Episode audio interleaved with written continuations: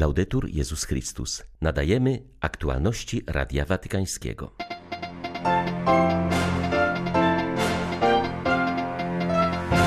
Jałmużnik papieski kardynał Konrad Krajewski dotarł dzisiaj do Kijowa. Przywiózł mieszkańcom bliskość papieża, a także ciepłe ubrania i generatory prądu. Peru święta Bożego Narodzenia są przyćmione przez stan wyjątkowy. Mieszkańcy nie mogą radować się przyjściem Zbawiciela w atmosferze przemocy i rozlewu krwi.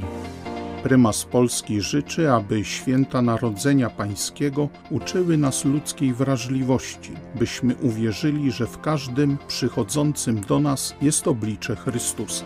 23 grudnia witają Państwa ksiądz Tomasz Matyka i ksiądz Krzysztof Ołdakowski. Zapraszamy na serwis informacyjny.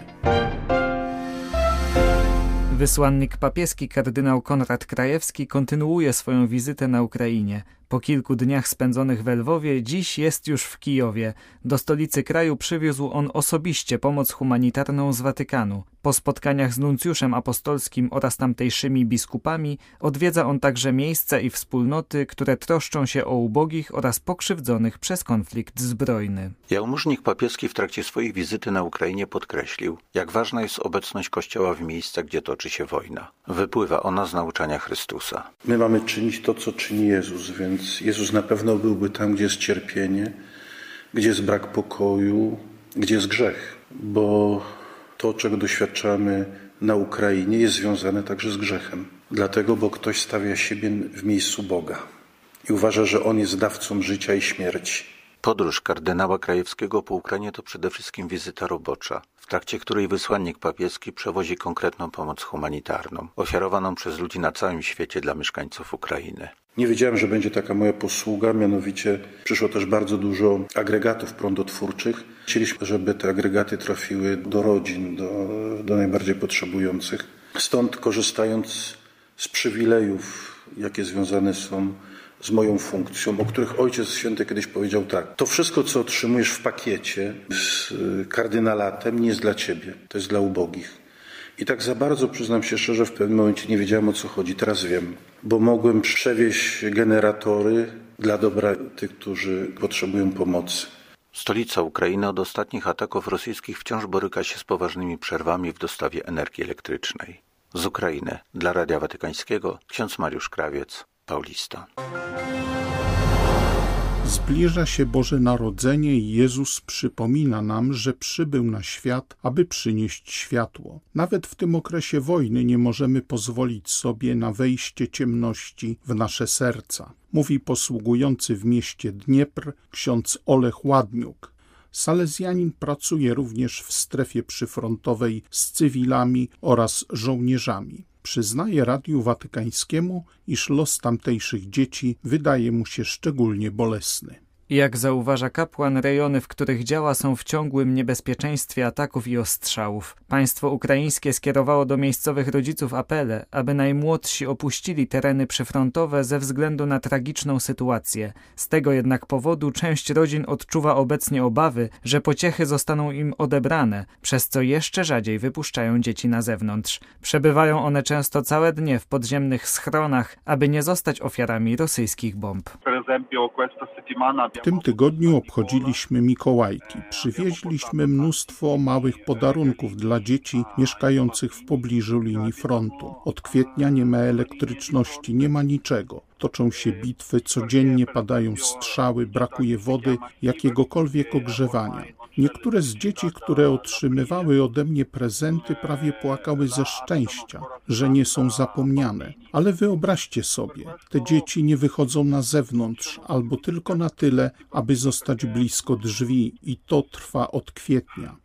Ciężko sobie uzmysłowić stan zdrowotny oraz duchowy tych dzieci. Także większość dzieci w mieście Dnieprze nie wychodzi z domów. Jeśli opuszczają mieszkania, to tylko na krótko, ponieważ niestety tutaj nie kojarzę dnia, w którym nie byłoby alarmu. Codziennie buczą syreny, a co najmniej raz w tygodniu wybucha ostatecznie jakaś bomba. Szkoda mi tych dzieci, bo młody człowiek musi się ruszać, wzrastać i za ileś lat zobaczymy problemy zdrowotne, fizyczne oraz umysłowe z powodu bycia zamkniętymi w domach. Stąd myślimy obecnie o programie wsparcia psychologicznego dzieci w Dnieprze oraz na linii frontu ale jest to także bardzo trudne, ponieważ nie można gromadzić dzieci w szkole. Jest to zabronione. Jak więc się za to zabrać? Mamy dobry pomysł, ale wykonanie go stawia spore trudności.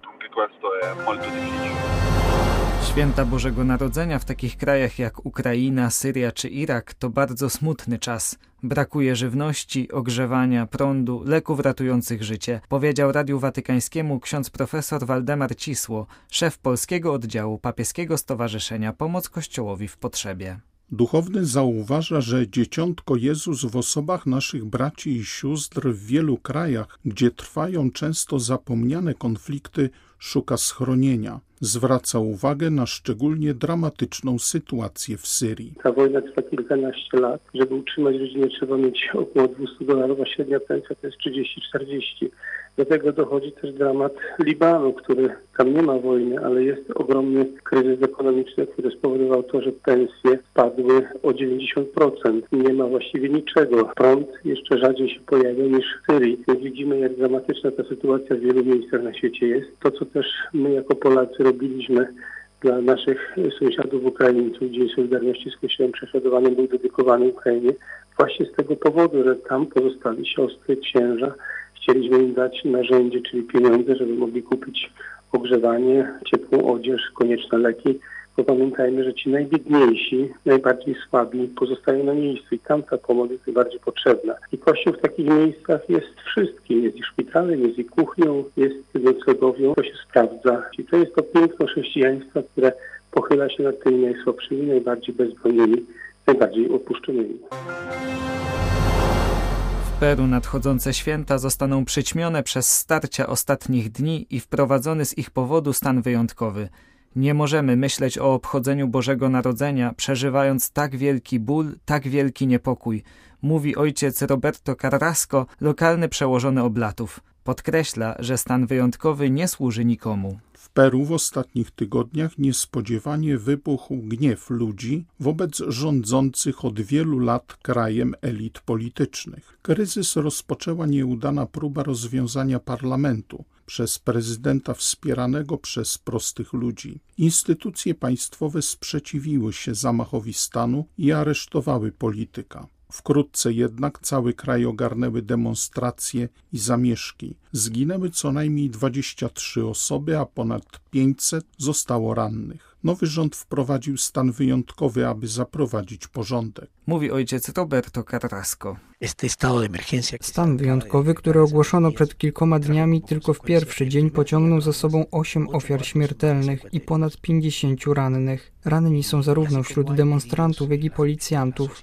Stan wyjątkowy nie jest sprawiedliwy, nie służy nikomu. Aresztowany prezydent Castillo jest przede wszystkim reprezentantem chłopów, Indian z Andów, tych wszystkich, którzy w nim położyli nadzieję i na niego głosowali. Czy jest przygotowany do tej roli, to już jest inna kwestia. Ważne jest to, że tych bardzo prostych ludzi pozbawiono nadziei. Dlatego też trzeba odróżnić protestujący lud, którego manifestacje mają charakter pokojowy, od chuliganów. Nie mogę tutaj użyć słowa terrorystów, bo wtedy musiałbym też mówić o terroryzmie państwowym, który coraz bardziej wzrasta. Peruwieńczycy w tym roku nie będą mogli świętować Bożego Narodzenia, tak jak mają to w zwyczaju, ponieważ niesprawiedliwe jest świętowanie Bożego Narodzenia pośród tak wielkiego rozlewu krwi. Ludzie czują się oszukani. Chcą, żeby odeszli ci, co popełnili przestępstwa, żeby ponieśli odpowiedzialność. W Peru potrzebujemy pokoju, a pokój jest owocem sprawiedliwości, ale takiej sprawiedliwości, która naprawdę obejmuje wszystkich w równym stopniu. Que abarca a todos, a todos por igual. Bandyci porwali kolejnych dwóch księży w Nigerii. Biskup Otukpo, gdzie doszło do jednego z napadów, wzywa do modlitwy o szybkie uwolnienie kapłanów i wszystkich osób będących w rękach porywaczy. Pierwszy atak miał miejsce w środkowo-północnej części kraju. We wtorek późnym wieczorem na teren plebanii w Fadankano wtargnęli uzbrojeni mężczyźni i uprowadzili księdza Sylwestra Okeczukło, Dwa dni potem ofiarą padł ksiądz Mark Orzotu, będący kapelanem szpitalnym. Został porwany w godzinach popołudniowych w czasie, gdy przemieszczał się samochodem do pobliskiej miejscowości. Łącznie na przestrzeni pięciu dni doszło aż do trzech porwań kapłanów. Boże Narodzenie w Bośni i w Sarajewie jest wciąż ważne i piękne, mówi ojciec Marinko Pejcz, franciszkański teolog z tego miasta. Po 30 latach odtoczonej tam wojny nie ma już tak wielu fizycznych śladów walk ale ludzka pamięć pozostaje. Jeszcze dobitniej przemawia więc fakt, że w obchodzenie nadchodzących katolickich świąt angażują się ludzie z każdej grupy etnicznej i religijnej, także muzułmanie oraz prawosławni. Bezsprzecznie w Sarajewie jest odczuwalny ból z powodu powtarzania obecnie na Ukrainie historii tego oblężonego nie tak dawno miasta, jak przyznaje zakonnik. Trudność stanowi też spadek liczby miejscowych katolików w porównaniu do czasów sprzed konfliktu na tamtych terenach z 50 do 5 tysięcy. Jednak wyraźnie zaznacza się charakter nadchodzących świąt, podkreśla ojciec Pejć. Aż do dzisiaj, oczywiście, kiedy wystawiamy szopkę, ludzie chętnie przychodzą, ponieważ dla nas, w naszej tradycji, Boże Narodzenie jest bardzo ważne. W pewien sposób odczuwa się je jako święto, w którym wszyscy biorą trochę udział. Na przykład w naszych kościołach na pasterkę przybywają także liczni muzułmanie. Interesuje ich to, gdyż odczuwają atmosferę świętowania i pragną w niej uczestniczyć. Mamy różne wydarzenia. Na przykład siostry prowadzące żłobki organizują zabawy dla dzieci. Powstaje zawsze amatorskie przedstawienie teatralne oraz urządzamy wspólny śpiew. Mamy piękny wieczór razem, a potem serię koncertów prawie w każdym kościele. Następnie oczywiście w pasterce uczestniczy mnóstwo ludzi innych tradycji i innych narodowości. Na przykład w obecnym roku w naszej świątyni przy klasztorze świętego Antoniego jeden z naszych muzułmańskich przyjaciół, właściciel herbaciarni, zaoferował się, że będzie robił grzańca. Wszystko przygotowuje sam, o nic go nie prosiliśmy, ale tak zaproponował, ponieważ dla niego uczestniczenie w tym wydarzeniu stanowi radość. To coś pięknego, gdyż pomimo wszystkiego, wszelkich ran, traum, niezrozumienia, które wciąż istnieją i nie zniknęły zupełnie, są też owe piękne znaki. Starajmy się o uwierzenie, że w każdym przychodzącym do nas jest oblicze jedyne i niepowtarzalne tego, który dla nas i dla naszego zbawienia stał się człowiekiem, wezwał arcybiskup Wojciech Polak w specjalnym przesłaniu świątecznym. Prymas życzył między innymi, aby święta Narodzenia Pańskiego uczyły nas ludzkiej wrażliwości. Święta Narodzenia Pańskiego są zawsze dla nas nie tylko wspomnieniem wydarzenia sprzed dwóch tysięcy lat, ale jednocześnie otwarciem na tajemnicę Boga, który przychodzi, który staje się dzieckiem, przychodzi jako dziecko, abyśmy mogli go przyjąć w naszym życiu, abyśmy bez lęku, bez obaw otworzyli nasze umysły, nasze serca, nasze domy, nasze rodziny, także granice państw i narodów dla tego, który przychodzi, który jest Emmanuelem, Bogiem z nami.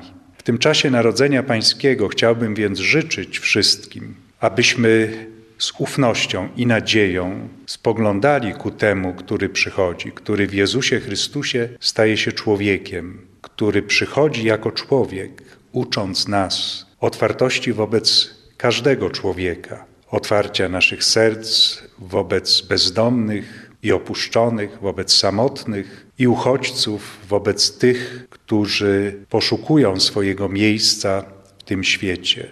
Życzę więc wszystkim błogosławionych, radosnych, pełnych pokoju i nadziei świąt Narodzenia Pańskiego.